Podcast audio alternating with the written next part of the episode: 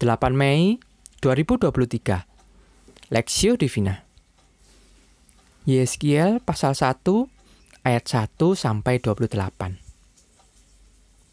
Pada tahun ke-30 dalam bulan yang keempat pada tanggal 5 bulan itu ketika aku bersama-sama dengan para buangan berada di tepi sungai Kebar terbukalah langit dan aku melihat penglihatan-penglihatan tentang Allah pada tanggal 5 bulan itu, yaitu tahun kelima sesudah Raja Yoyakin dibuang. Datanglah firman Tuhan kepada Imam Yeskiel, anak Busi, di negeri orang Kasdim, di tepi sungai Kebar, dan di sana kekuasaan Tuhan meliputi dia. Lalu aku melihat, sungguh, angin badai bertiup dari utara dan membawa segumpal awan yang besar dengan api yang berkilat-kilat dan awan itu dikelilingi oleh sinar. Di dalam, di tengah-tengah api itu, kelihatan seperti suasa, suasa mengkilat. Dan di tengah-tengah itu juga ada yang menyerupai empat makhluk hidup dan beginilah kelihatan mereka. Mereka menyerupai manusia tapi masing-masing mempunyai empat muka, dan pada masing-masing ada pula empat sayap. Kaki mereka adalah lurus, dan telapak kaki mereka seperti kuku anak lembu.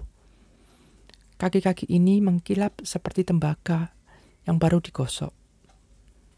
Pada keempat sisi mereka, di bawah sayap-sayapnya tampak tangan manusia. Mengenai muka dan sayap mereka berempat adalah begini mereka saling menyentuh dengan sayapnya. Mereka tidak berbalik kalau berjalan. Masing-masing berjalan lurus ke depan. Muka mereka kelihatan begini. Keempatnya mempunyai muka manusia di depan. Muka singa di sebelah kanan. Muka lembu di sebelah kiri. Dan muka Raja Wali di belakang. Sayap-sayap mereka dikembangkan ke atas mereka saling menyentuh dengan sepasang sayapnya, dan sepasang sayap yang lain menutupi badan mereka. Masing-masing berjalan lurus ke depan, ke arah mana roh itu hendak pergi. Ke sanalah mereka pergi. Mereka tidak berbalik kalau berjalan. Di tengah makhluk-makhluk hidup itu kelihatan seperti bara api yang menyala. Seperti suluh yang bergerak kian kemari di antara makhluk-makhluk hidup itu. Dan api itu bersinar, sedang dari api itu kilat sambung menyambung. Makhluk-makhluk hidup itu terbang ke sana kemari seperti kilat. Aku melihat, sungguh, di atas tanah di samping masing-masing dari keempat makhluk-makhluk hidup itu ada sebuah roda. Rupa roda-roda itu seperti kilauan permata virus dan keempatnya adalah serupa. Buatannya seolah-olah roda yang satu di tengah-tengah yang lain. Kalau mereka berjalan, mereka dapat menuju ke empat jurusan. Mereka tidak berbalik kalau berjalan.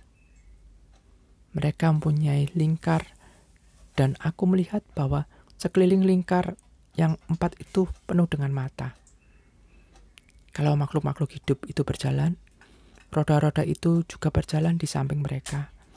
Dan kalau makhluk-makhluk hidup itu terangkat dari atas tanah, roda-roda itu turut terangkat. Ke arah mana roh itu hendak pergi, ke sanalah mereka pergi, dan roda-rodanya sama-sama terangkat dengan mereka. Sebab roh makhluk-makhluk hidup itu berada di dalam roda-rodanya.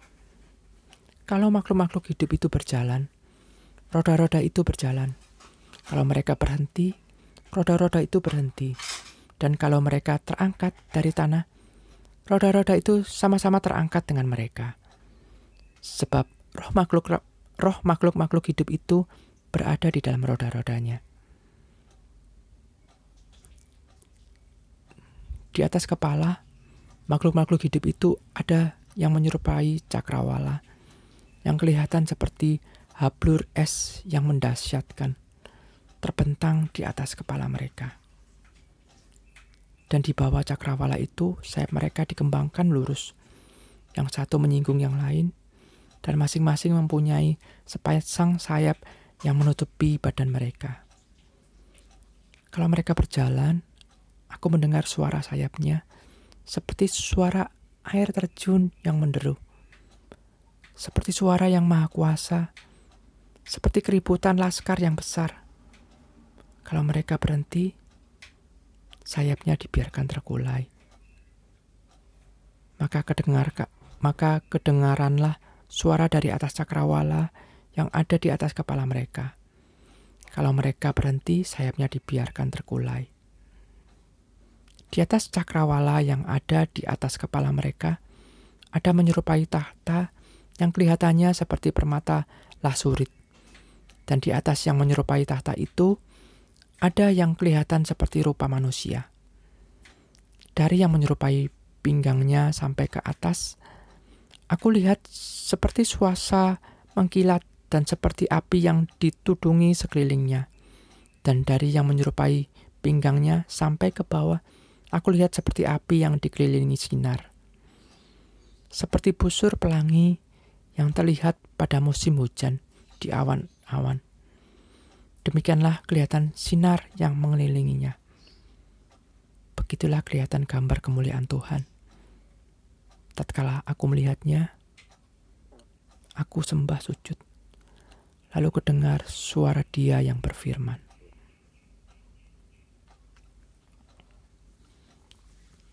Penglihatan ajaib perspektif. Seperti busur pelangi yang terlihat pada musim hujan di awan-awan, Demikianlah kelihatan sinar yang mengelilinginya. Begitulah kelihatan gambar kemuliaan Tuhan. Tatkala aku melihatnya, aku sembah sujud, lalu kudengar suara dia berfirman. Yeskiel pasal 1 ayat 28. Firman Tuhan dan penglihatan datang kepada Yeskiel di tanah pembuangan di negeri orang Kasdim. Tuhan memanggil Yeskiel untuk melayani sebagai nabi Tuhan di Babel penglihatan ajaib Nabi Yeskiel adalah dia melihat pemeliharaan Tuhan atas ciptaannya. Allah bukan hanya menciptakan tetapi juga adalah Allah yang selalu memelihara ciptaannya. Sekalipun ciptaannya menghadapi banyak penderitaan yang harus ber, dan harus berjuang, kasih setia dan pemeliharaan Allah itu tetap. Bagaimana bagi manusia mustahil tetapi bagi Tuhan tidak ada yang mustahil. Sekalipun mungkin sulit untuk dimengerti, bagi Tuhan tidak ada yang sulit karena semua ada di dalam kendalinya. Alkitab mencatat bahwa kita tahu sekarang bahwa Allah turut bekerja dalam segala sesuatu untuk mendatangkan kebaikan bagi mereka yang mengasihi Dia, yaitu bagi mereka yang terpanggil sesuai dengan rencana Allah. Roma pasal 8 ayat 28. Selanjutnya, Yeskiel melihat kemuliaan Tuhan berkuasa atas segala sesuatu. Di mana kemuliaan Tuhan ada, maka di sanalah Allah menyatakan kehadirannya atas umatnya. Ini menunjukkan Allah sekali-kali tidak akan meninggalkan dan tidak akan membiarkan umat Tuhan yang percaya dan mengasihinya. Allah penuh anugerah kasih, dan kebaikan. Sekalipun mereka berada di tanah pembuangan di Babel, Allah selalu beserta dengan mereka, menuntun mereka, dan pada waktunya akan membawa mereka keluar dari pembuangan kepada hidup yang lebih baik selama mereka mau percaya dan setia. Demikianlah firman Allah.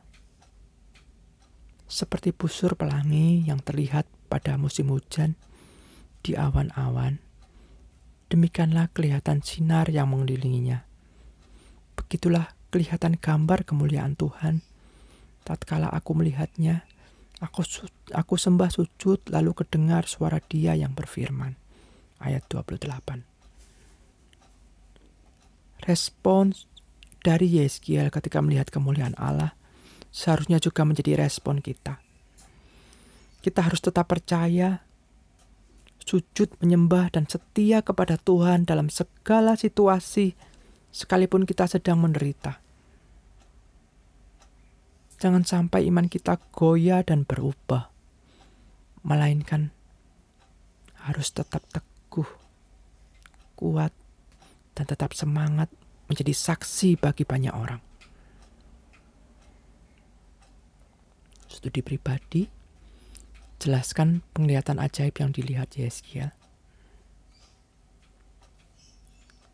Bagaimana seharusnya respons kita kepada Allah yang telah hadir dan menyatakan kemuliaannya bagi kita. Pokok doa, bersyukurlah kepada Tuhan, kita dapat menikmati keselamatan serta mendapatkan pemeliharaan Tuhan. Berdoalah agar Tuhan menolong dan menguatkan kita untuk menyembah dan hidup memuliakan Dia.